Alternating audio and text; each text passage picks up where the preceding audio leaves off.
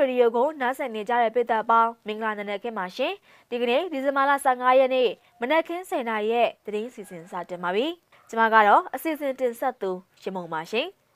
ဝီရော်ကျေးရွာမှာရှိတဲ့ခမရကိုတက်စခန်းလက်နက်ကြီးနဲ့ပစ်ခတ်လိုက်ရပါတယ်စစ်ကောင်စီက AR တိုင်းသွင်းကစစ်တပ်ထောက်ခံသူတွေကိုမိကင်းဆောင်ခိုင်းမှုအတွက်စီစဉ်နေတာပါ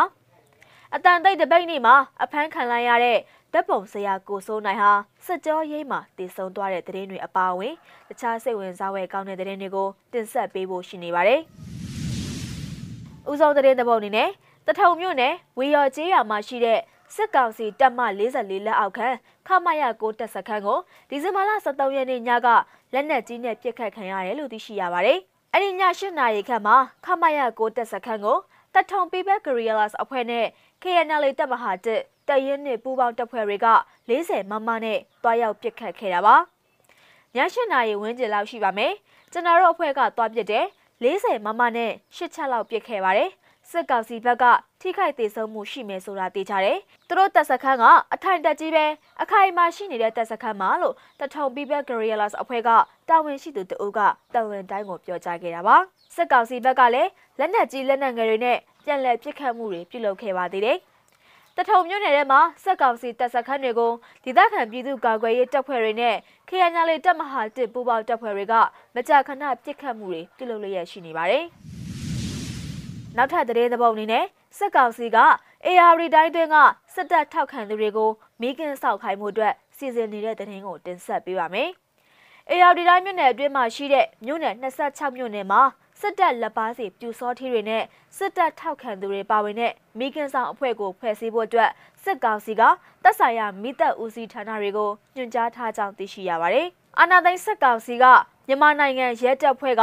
ဒုရဲမှုအဆင့်ကနေ အောက်ခြေရဲတပ်သားအဆင့်ထိသူတို့ရဲ့ဇနီးတယ်တွေကိုစစ်တပ်နှံပေးပြီးတော့ရဲစခန်းတွေမှာကင်းဆောင်ခိုင်းမှုစီစဉ်ခဲ့တယ်လို့ရက်ကွက်ကျေးရွာတွေမှာပြူစောထီးနဲ့စစ်တပ်ထောက်ခံသူတွေကိုမိကင်းဆောင်ခိုင်းမှုစီမံညွှန်ကြားလာတာပါ။မိသက်ဌာနတွေကိုမိခင်ဆောင်အဖွဲ့တွေရက်ကွက်ကျေးရွာအလိုက်ဖွဲ့စည်းထားဖို့ညွှန်ကြားထားပါတယ်။အဓိကကတော့ PDF တွေအဝင်အထွက်လှုပ်ရှားမှုတွေကိုသိရဖို့သူတို့လူတွေကိုမိခင်အယောင်ပြစောက်ခိုင်းတဲ့သဘောပါလို့ပသိမ်ခရိုင်အတွင်းမှာရှိတဲ့မြို့နယ်တစ်ခုကမိသက်တပ်ဖွဲ့ဝင်တို့က ARD တိုင်းကိုပြောကြားခဲ့တာပါ။အနာသိမ့်ပြီးတဲ့နောက်ပိုင်းစစ်ကောင်စီကမိသက်တပ်ဖွဲ့ကိုသူတို့နဲ့မဆိုင်တဲ့ကင်းလှည့်ကင်းဆောက်ခိုင်းတဲ့အလုပ်တွေလုပ်ခိုင်းနေမှုတွေကိုမိသက်တပ်ဖွဲ့ဝင်အများပြားကကျေနပ်မှုမရှိကြောင်းသူကဆက်ပြောပါတယ်။အနာသိမ့်ပြီးနောက်ပိုင်းကလေးကမိသက်ကိုထိုးကျွေးခဲ့တာအရင်အရသားအစိုးရလက်ထက်က မိသက်တပ်ဖွဲ့ဝင်တွေအေးဆေးနေရသလောက်အခုစစ်တပ်ကအနာလဲသိမ့်ပြီးရောမိသက်တွေလည်းဒုက္ခရောက်သူတို့နဲ့မဆိုင်တာတွေကိုဝင်ရှုပ်နေကြတာဒါတွေကိုတော့ကျွန်တော်တို့လုံးဝသဘောမကျဘူးလို့သူကဆက်လက်ပြောကြားပါတယ်။သက်ဆိုင်ရာခရိုင်နဲ့မြို့နယ်မိသက်ဦးစီးမှုတွေကိုဒီဇင်ဘာလအတွင်းမှာပြိုစောထီနဲ့စစ်တပ်ထောက်ခံသူအဖွဲ့တွေပါဝင်တဲ့မီကင်းဆောင်အဖွဲ့တွေအပီးဖွဲ့စည်းဖို့အတွက်စစ်ကောင်စီကလျှို့ဝှက်ညွှန်ကြားထားပြီးတော့အဲ့ဒီမီကင်းတွေကိုတော့တပတ်တစ်ခါဝင်ရောက်စစ်ဆေးရမယ်လို့ညွှန်ကြားချက်မှာပါရှိကြောင်းသိရှိရပါတယ်။ အတန်သိတပိတ်နေ့မှာဖမ်းဆီးခံခဲ့ရတဲ့တပ်ပုံဆရာကိုစိုးနိုင်ဟာ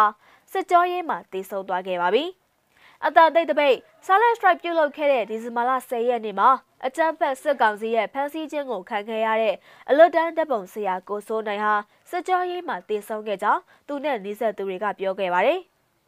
တည်ဆုံတာကတော့တေချာပါတယ်။တကြိုမဲ့ဆိုပြီးတော့ကြားတယ်လို့သိကြတဲ့သတင်းရင်းမြစ်ထံကနေတဆင့်သိရှိရတာပါ။နိုင်ငံတော် Silent Strike ပြုလုပ်ခဲ့တဲ့နေ့မှာတပ်ပုံဆရာနှစ်ဦးကိုစစ်ကောင်စီကဖမ်းဆီးခဲ့တာဖြစ်ပြီးတော့အခုချိန်မှာတအူးတည်ဆုံခဲ့တာဖြစ်ပါတယ်။ကိုစိုးနိုင်ကိုဖမ်းဆီးပြီးတဲ့နောက်မှာတော့အိမ်တွေကိုလာရောက်ရှာဖွေစစ်ဆေးတာတွေကိုလည်းပြုလုပ်ခဲ့ကြောင်းမိသားစုနဲ့ရင်းနှီးသူတွေကပြောကြားခဲ့တာပါရှင်။နောက်ဆုံးသတင်းသဘောက်အနေနဲ့ မြန်မာပြည်ဒီမိုကရေစီရေးပုံမှုထောက်ခံလာဖို့အတွက်အိန္ဒိယဖုန်းမြန်မာအဖွဲ့ကတတိယအကြိမ်မြောက်လက်ကမ်းစာဆောင်တွေဖြန့်ဝေခဲ့တဲ့သတင်းကိုတင်ဆက်ပေးပါမယ်။အိန္ဒိယနိုင်ငံနယူးဒေလီမြို့မှာအိန္ဒိယဖုန်းမြန်မာအဖွဲ့ကဒေသခံပြည်သူတွေဟာမြန်မာပြည်ရဲ့ဒီမိုကရေစီအရေးကိုပုံမထောက်ခံလာစေဖို့နဲ့မြန်မာပြည်တွင်းမှာဖြစ်ပျက်နေတဲ့အခြေအနေတွေကိုသိရှိစေဖို့အတွက်ရည်ရွယ်ပြီးတော့လက်ကမ်းစာဆောင်တွေကိုတတိယအကြိမ်မြောက်ဖြန့်ဝေခဲ့ကြောင်းသိရှိရပါတယ်။ ကျွန်တော်တို့လက်ကမ်းစာဆောင်တွေဝေတဲ့အခါမှာလူတွေကအတော်စိတ်ဝင်စားကြပါတယ်။မင်းတို့လောက်တာကောင်းတယ်ထောက်ခံတယ်ငါတို့လည်းအစိုးရကိုသိရတာတွေ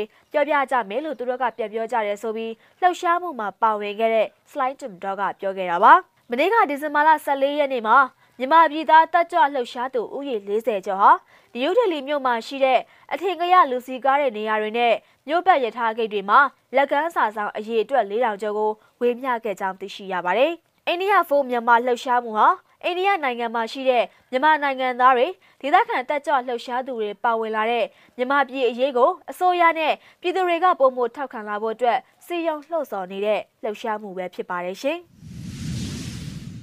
ဒီဇင်ဘာလ15ရက်နေ့မနက်ခင်း7:00နာရီထိနောက်ဆုံးရရှိထားတဲ့သတင်းတွေကိုမြစီမရေဒီယိုကနေထုတ်လွှင့်တင်ဆက်ပေးခဲ့တာပါ။နားဆင်ပေးခဲ့တဲ့အတွက်ကျေးဇူးတင်ပါတယ်ရှင်။